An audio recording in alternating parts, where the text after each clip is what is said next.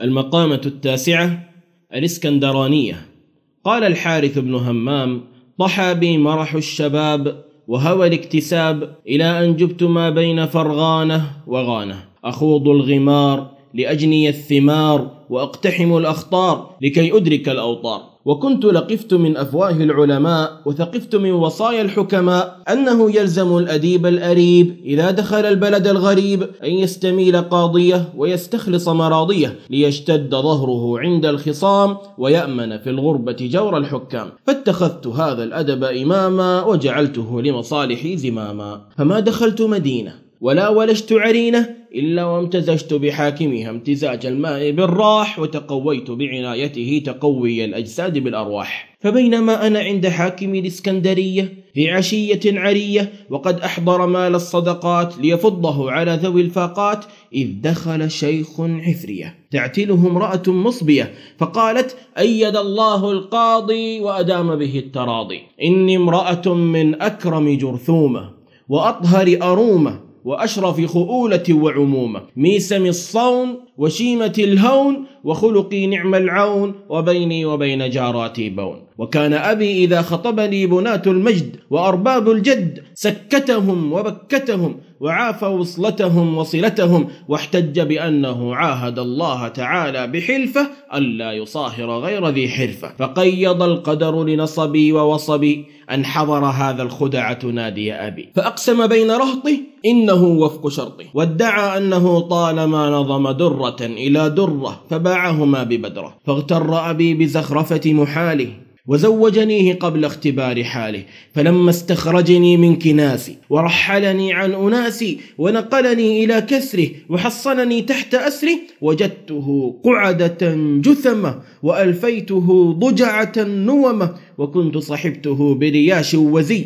وأثاث وري فما برح يبيعه في سوق الهضم ويتلف ثمنه في الخضم والقضم إلى أن مزق مالي بأسره وأنفق مالي في عسره. فلما أنساني طعم الراحة وغادر بيتي أنقى من الراحة قلت له يا هذا إنه لا مخبأ بعد بوس ولا عطر بعد عروس فانهض للاكتساب بصناعتك وأجنني ثمرة براعتك. فزعم أن صناعته قد رميت بالكساد لما ظهر في الأرض من الفساد. ولي منه سلالة كأنه خلالة. وكلانا ما ينال معه شبعة ولا ترقأ له من الطوى دمعة وقد قدته إليك وأحضرته لديك لتعجم عود دعواه وتحكم بيننا بما أراك الله. فأقبل القاضي عليه وقال له قد وعيت قصص عرسك فبرهن الآن عن نفسك وإلا كشفت عن لبسك وأمرت بحبسك فأطرق إطراق الأفعوان ثم شمر للحرب العوان وقال اسمع حديثي فإنه عجب يضحك من شرحه وينتحب. أنا امرؤ ليس في خصائصه عيب ولا في فخاره ريب. سروج دار التي ولدت بها والأصل غسان حين أنتسب. وشغلي الدرس والتبحر في العلم طلابي وحبذا الطلب. ورأس مالي سحر الكلام الذي منه يصاغ القريض والخطب. أغوص في لجة البيان فأختار اللآلي منها وأنتخب. وأجتني اليانع الجني من القول وغيري للعود يحتطب. وآخذ اللفظ فضة فإذا ما صغته قيل إنه ذهب. وكنت من قبل أمتري نشبا بالأدب المقتنى وأحترب. ويمتطي أخمصي لحرمته مراتبا ليس فوقها رتب وطالما زفت الصلاة إلى ربعي فلم أرض كل من يهب. فاليوم من يعلق الرجاء به أكسد شيء في سوقه الأدب. لا عرض أبنائه يصان ولا يرقب فيهم إل ولا نسب. كأنهم في عراصهم جيف يبعد من نتنها ويجتنب. فحار لبي لما منيت به من الليالي وصرفها عجب. وضاق ذرعي لضيق ذات يدي وساورتني الهموم والكرب. وقادني دهري المليم إلى سلوك ما يستشينه الحسب. فبعت حتى لم يبق لي سبد ولا بتات إليه أنقلب. ودنت حتى أثقلت سالفتي بحمل دين من دونه العطب. ثم طويت الحشا على سغب خمسا فلما أمضني السغب. لم أر إلا جهازها عرضا أجول في بيعه وأضطرب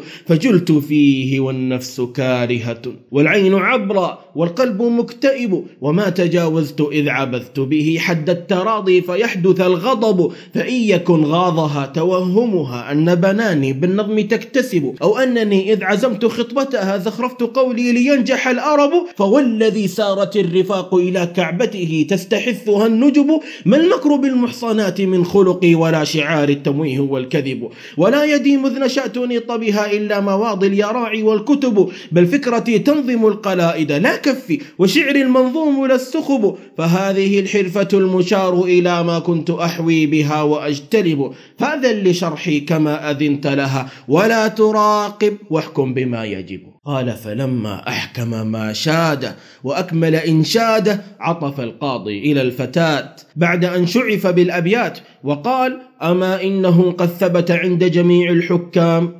وولاة الأحكام انقراض جيل الكرام وميل الأيام إلى اللئام. وإني لإخال بعلك صدوقا في الكلام بريا من الملام. وها هو قد اعترف لك بالقرض وصرح عن المحض وبين مصداق النظم وتبين أنه معروق العظم. وإعنات المعذر ملأمة وحبس المعسر مألمة وكتمان الفقر زهادة وانتظار الفرج بالصبر عبادة. فارجعي إلى خدرك واعذري أبا عذرك ونهنه عن غربك وسلمي لقضاء ربك. ثم إنه فرض لهما في الصدقات حصة وناولهما من دراهمهما قبصة وقال لهما تعللا بهذه العلالة وتنديا بهذه البلالة واصبرا على كيد الزمان وكده فعسى الله أن يأتي بالفتح أو أمر من عنده. فنهضا وللشيخ فرحة المطلق من الإثار وهزة الموسر بعد الإعسار. قال الراوي وكنت عرفت أنه أبو زيد ساعة بزغت شمسه ونزغت عرسه وكدت أفصح عن افتنانه وإثمار أفنانه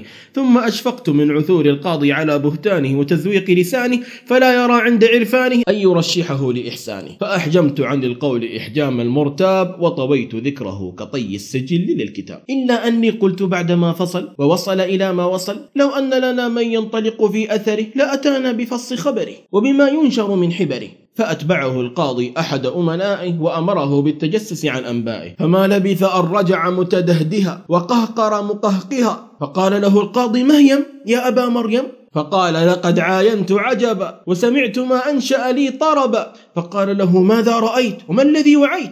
قال لم يزل الشيخ مذ خرج يصفق بيديه ويخالف بين رجليه ويغرد بملء شدقيه ويقول كدت أصلى ببلية من وقاح شمرية وأزور السجن لولا حاكم الإسكندرية فضحك القاضي حتى هوت دنيته وذوت سكينته. فلما فاء إلى الوقار وعقب الاستغراب بالاستغفار قال اللهم بحرمة عبادك المقربين حرم حبسي على المتأدبين. ثم قال لذلك الأمين علي به. فانطلق مجدا في طلبه ثم عاد بعد لأيه مخبرا بنأيه فقال له القاضي أما إنه لو حضر لكفي الحذر ثم لأوليته ما هو به أولى ولأريته أن الآخرة خير له من الأولى. قال الحارث بن همام فلما رأيت صغو القاضي إليه وفوت ثمرة التنبيه عليه غشيتني ندامة الفرزدق حين أبان النوار والكسعي لما استبان النهار.